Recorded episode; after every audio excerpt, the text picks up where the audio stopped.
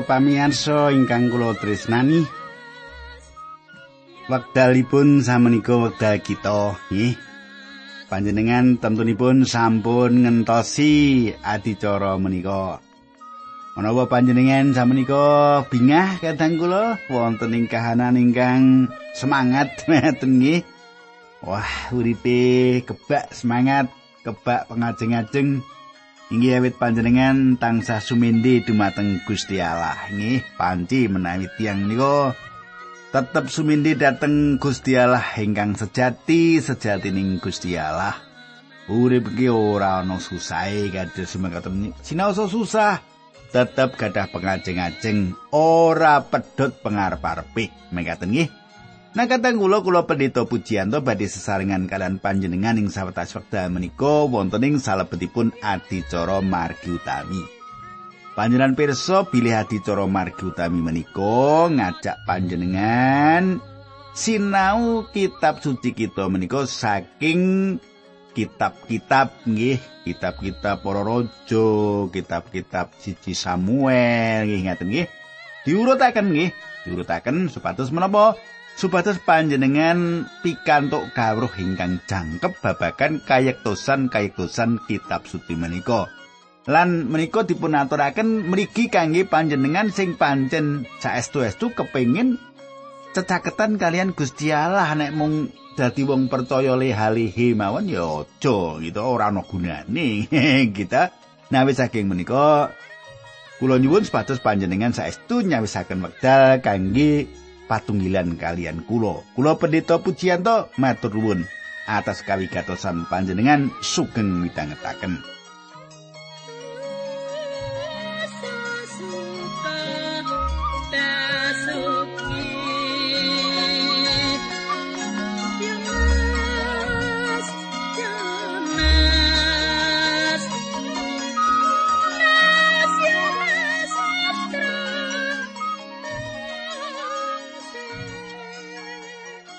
Para pamirsa menapa panjenengan sampun mangertos utawi tasih kemutan menapa ingkang kula aturaken duk nalika pepanggihan kepengker.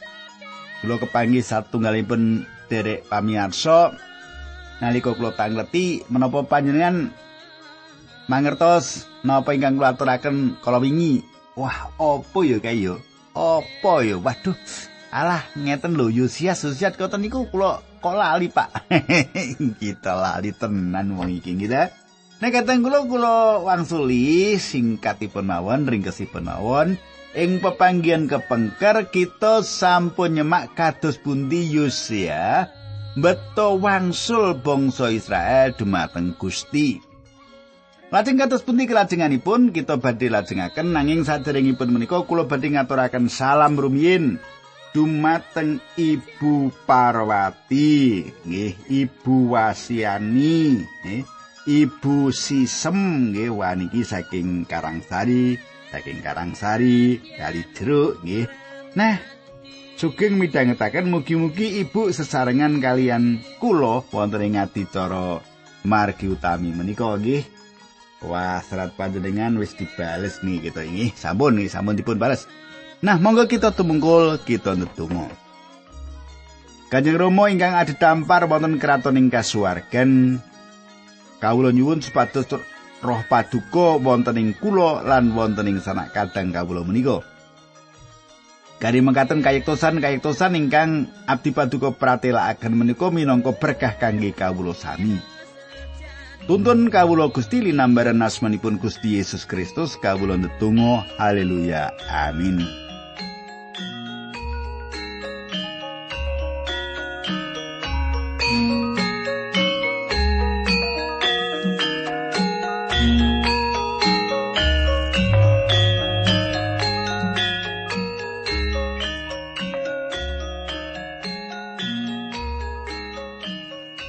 Pamirsa ingkang kula tresnani, kita lajengaken samenika dumugi kalih para raja bab 22.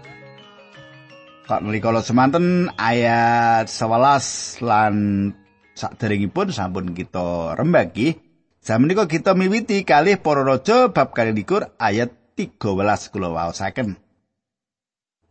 Nyuwuna pirsa marang Allah kanggo aku lan rakyat kabeh bab surasani kitab iki Gusti Allah duka marang kita merga leluhur kita ora nglakoni pernatan-pernatan sing katulis sing kitab iki. Para pamirsa, Yosia ajrih awit piyambakipun mangertos bilih bangsa menika pantes nampani paukumanipun Gusti Allah. Pangandikanipun Gusti Allah dumugi dumateng Yosia lumantar Nabi Yahuda ingkang meratelaken keadilan lan sih rahmatipun. Dielingake karo Nabi Setri naminipun Huda. Nek bangsa menika pantes nampa paukumane Gusti Allah. Makaten. Kula lajengaken ayat 16 ngantos 17. Mekaten dawuhipun pangeran, aku bakal ngukum Yerusalem lan penduduke kabeh kaya kang katulis ana ing kitab sing diwacake marang Yusia. Umat Israel wis ningkur marang aku lan gawe kurban marang dewa-dewa. Apa sing dilakoni kuwi kabeh gawe dukaku. Aku duka marang Yerusalem lan dukaku ora bakal sirep. Para pamirsa, samenika panjenengan katosaken sih rahmat Gusti Allah dumateng Yusia. Ayat 18 19 20 Nanging munggo Yosia aku dawuh mengkene kowe wis krungu apa sing katulis ana ing kitab kuwi? Mulane kowe ketun lan nanda pasor ing ngarsaku nalika krungu ancamanku sandanganmu kok suwek lan kowe nangis. Nelakake anggonmu sedih marga aku arep ngukum Yerusalem lan wong-wong sing manggon ing kono Jalaran arep ndak dadekake sesawangan sing gegirisi lan Yerusalem bakal ndak dadekake kutha sing kena ing paukuman. Nanging pandongamu wis ndak piarsaki. Mulane hukuman sing bakal dirasake dening Yerusalem ora bakal ditibake selawase kowe sisih urip. Kowe bakal mati kelawan tentrem rahayu, utusan-utusan mau banjur padha bali suwan marang Sang Prabu karo ngaturake welingane Nabi Huda mau. Kadang kula ora sida dihukum awit pamratobat. Ini penting niki sinau saking Sang Prabu Yosia menika nggih panjenengan nek dosane akeh saiki mertobat paukumane marang Gusti Allah. Paukumane saking Gusti Allah ora bakal tumomo marang panjenengan. Panjenengan bakal urip sing tentrem ngantos kapundhut dening Gusti. Seneng ora menika? Awis saking menika ditenanani ngene panjenengan ngibadah karo Gusti menika. Aja lera lering gitu, hutan sithik ra nyang gereja. Ngoten niku piye jenengan niku nggih. Nah, saniki pasinaon kita lumebet ing kitab Kalih Para Raja 13 nggih. Kalih Para Raja 13. Makaten ayat 1 kalih 3. Raja Yosia banjur nimbali para pemimpin ning tanah Yehuda lan ning Yerusalem kabeh. Bebarengan karo wong-wong mau Raja Yosia tindak menyang pedalemane Allah. Diderekake para imam, para nabi lan rakyat kabeh wong cilik dalah wong gedhe. Jumeneng ana ing sacedhake cagak ing pedalemane Allah kuno. Sang Prabu maos kelawan swara-swara ana ing ngarepe wong-wong mau. Surasani kitab perjanjian sing lagi ketemu ana ing pedalamane Allah. Sang Prabu nuli perjanji ing ngarsane Allah yen bakal nglampahi kelawan tumemen saking dawuh lan pernatan sarta netepi syarat-syarate perjanjiane Allah karo umate sing kasebut ana ing kitab mau. Katang kula rakyat sanjang pilih piyambakipun boten namung badhe maos pangandikanipun Gusti Allah nanging piyambakipun ugi badhe sami nindakaken pangandikan menika. Kita saged kraosaken kebangunan rohani ing gereja kita nanging kedah wonten pengaken dosa ingkang dipun hasilaken saking anggenipun anggegilut pangandikanipun Gusti Allah. Ing wekdal pangandikanipun Allah andadosaken pengaken dosa ing salebetipun manah, kedah dipun lajengaken pamratobat. Pamratobat ateges mulihaken samukawis supados dados leres malih. Pamratobat ateges wangsul lan lumampah dumateng arah ingkang lelawanan. Menawi panjenengan lumampah ing margi ingkang lepat, panjenengan balik lan tumapak margi ingkang leres. Yusia minangka raja ingkang gadah daya pengaruh ingkang ngidapi-dapi. Pamratobat. Nggih, ateges wangsul lan lumampah dateng arah ingkang lelawanan.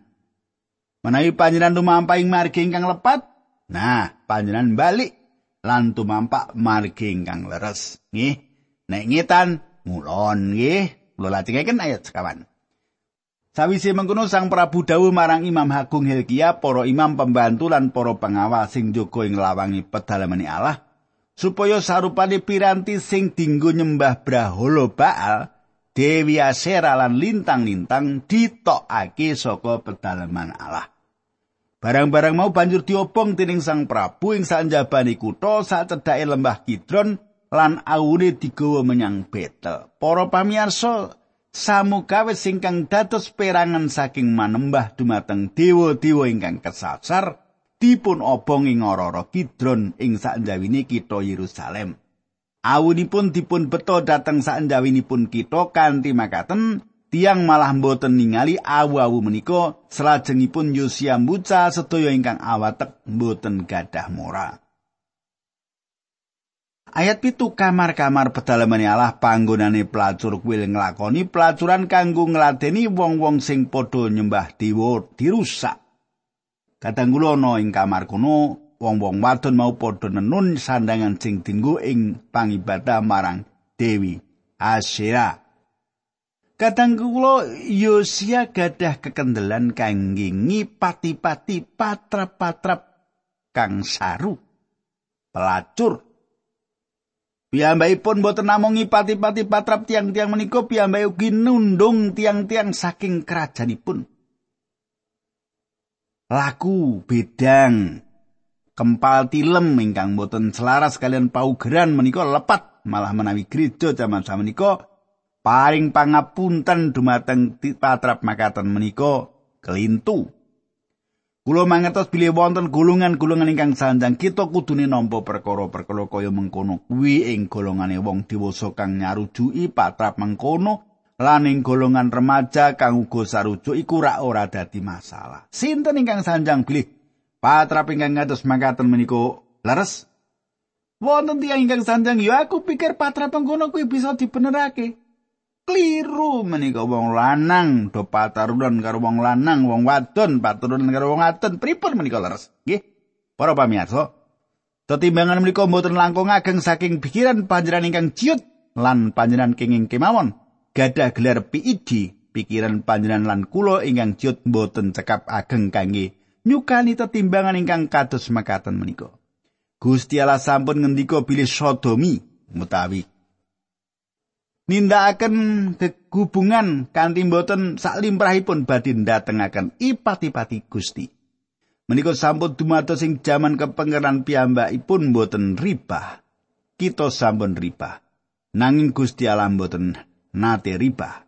Yosia inggih menika tiang ingkang kendelan piyambakipun nebihaken patrap lelakon nggih patrap saru ingkang ngatos makaten menika Yosia ugi ngendhekaken pisungsung kurban manungsa lare-lare dumateng molok.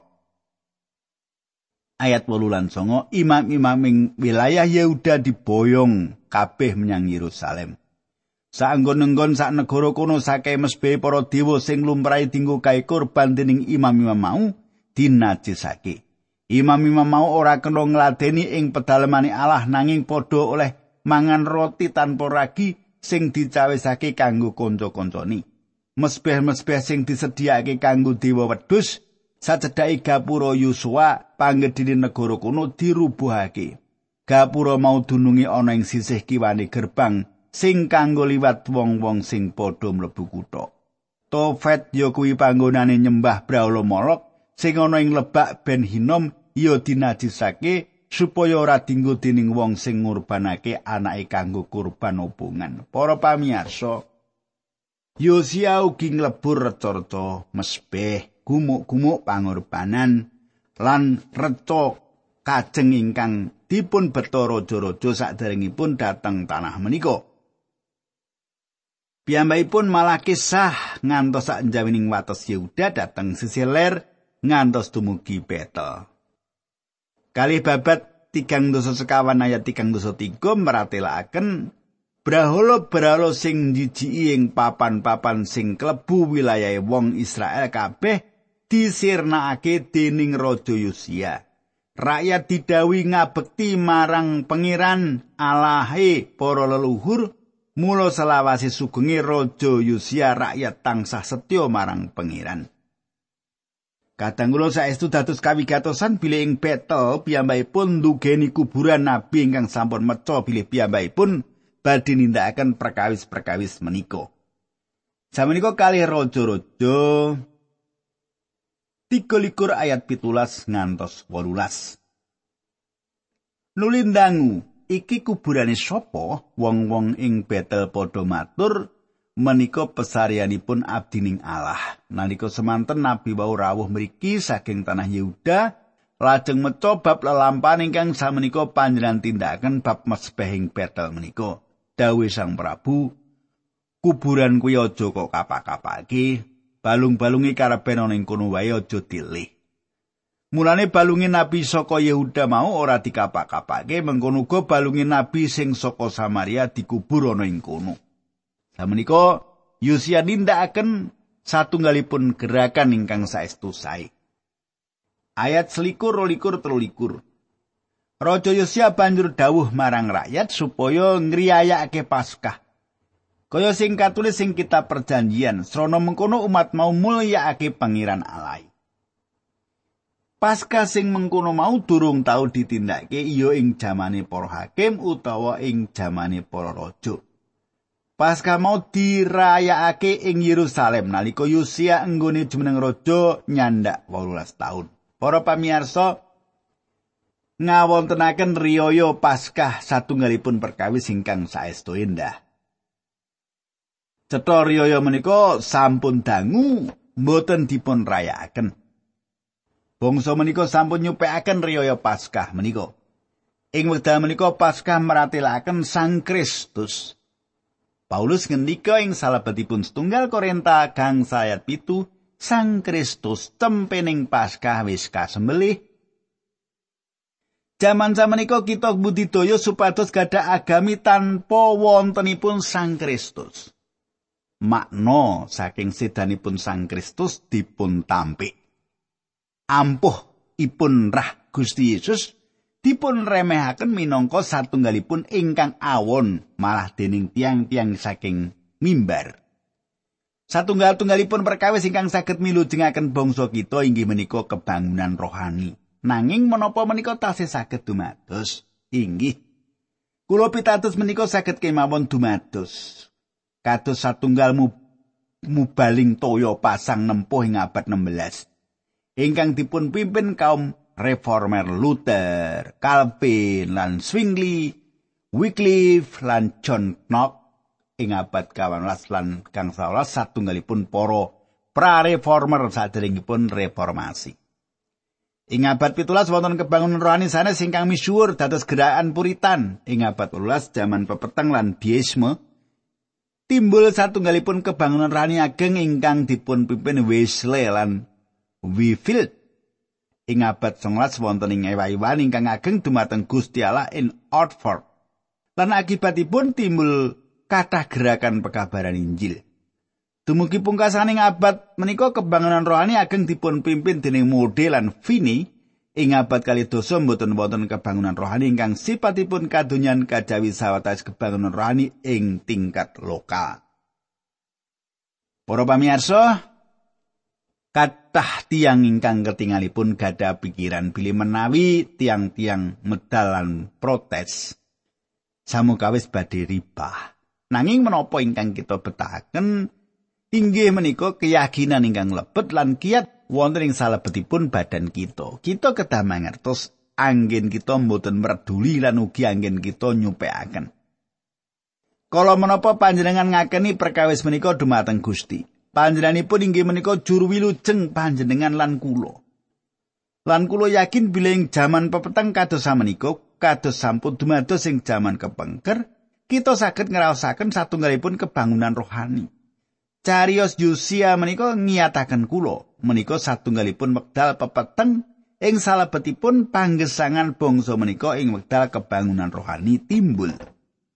Kadang kula Samenika kita dumugi ing wekdal ingkang ngremuk manah kita, ngejur manah kita ing salebetipun carios Yusia. Kebangunan rohani ageng sampun dumugi ing wekdal pungkasaning kerajaan Yehuda mboten dangu malih rakyat menika badhe dipun bucal.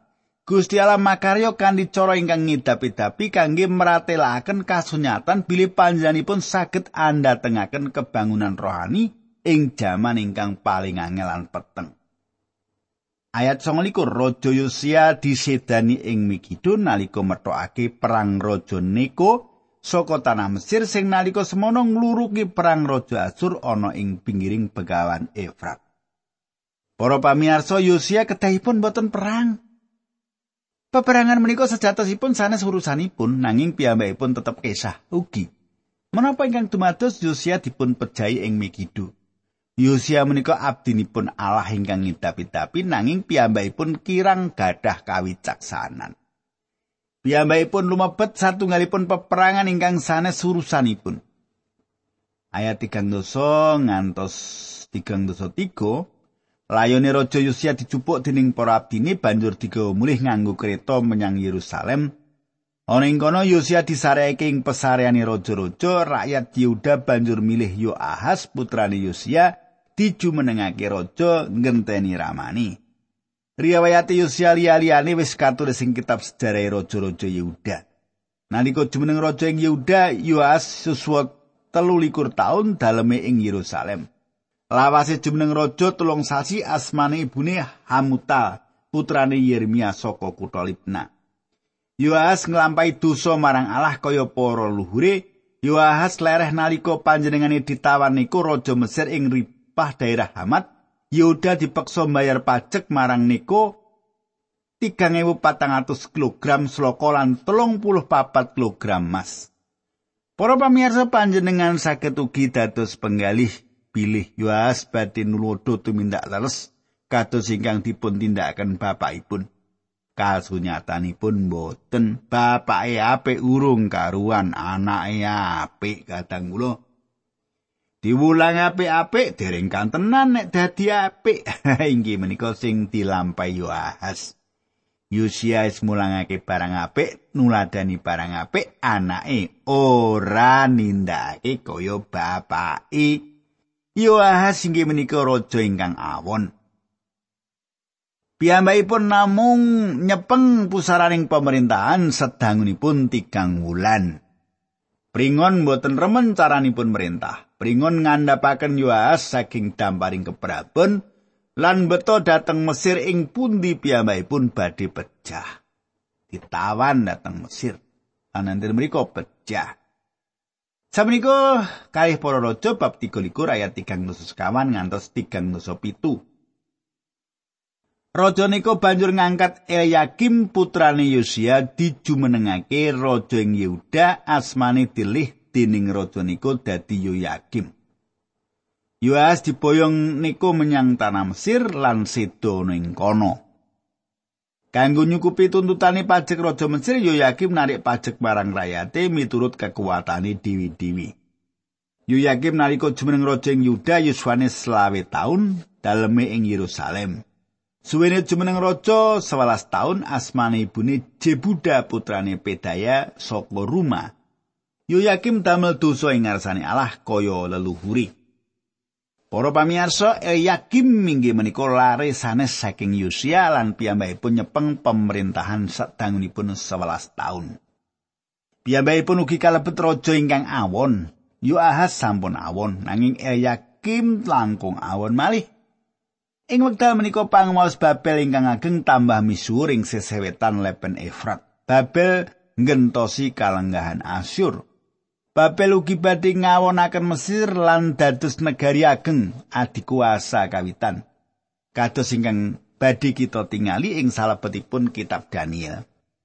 Ing wedal menika kita kedamaos kitab Yeremia awit Yeremia satunggalipun nabi ageng ing jaman semanten. Yeremia menika ingkang jurung Israel wangsul dumateng Gusti Allah lan ngimutaken bilih menawi bangsa menika mboten mertobat dumateng Gusti Allah Bangsa menika badhe dipun beto ing papan pangawulan lan dipun bucal ing Babel. Ingkang dipun sanjangaken Yeremia kapiringi penangel dipun pitados kangge umat Israel awet ing wekdal menika raja Nebukadnezar sanes mengsah ingkang murukaken ajrih. Para nabi palsu sanjang dumateng bangsa menika bilih Gusti Allah mboten saged wonten tanpa bangsa menika. Yerusalem menika kita Gusti Allah, pedalamanipun ingkang suci wonten ing mriku. Bangsa menika umat pilihanipun. Bangsa menika badhe mangertos bilih Gusti Allah saged kemawon rawuh tanpa wontenipun bangsa menika. Sejatosipun Gusti Allah mboten betahaken pedalaman menika. Bangunan menika mboten dangu badhe dibunjur, dirusak ditungkeli tembuke. Nggih. Kadang kula monggo kita tumungkul. Kita mungkasi kalajengaken ing dinten candhaipun aja lali mangke menawi pinanggih malih ing dinten candhaipun kula aja ditinggal. Nggih ta. Monggo kita tumungkul kita ndedonga sesarengan. Duh Kanjeng Rama ing swarga kawula ngaturaken gunging panuwun menawi menika kawula saged sinau kayektosan-kayektosan pangandikanipun Gusti. Kawula nyuwun Gusti berkahi sederek-sederek kawula. Dinambaran asmanipun Gusti Yesus Kristus kawula pasrahaken sederek kawula menika supados gesangipun dipun berkahi. Haleluya. Amin.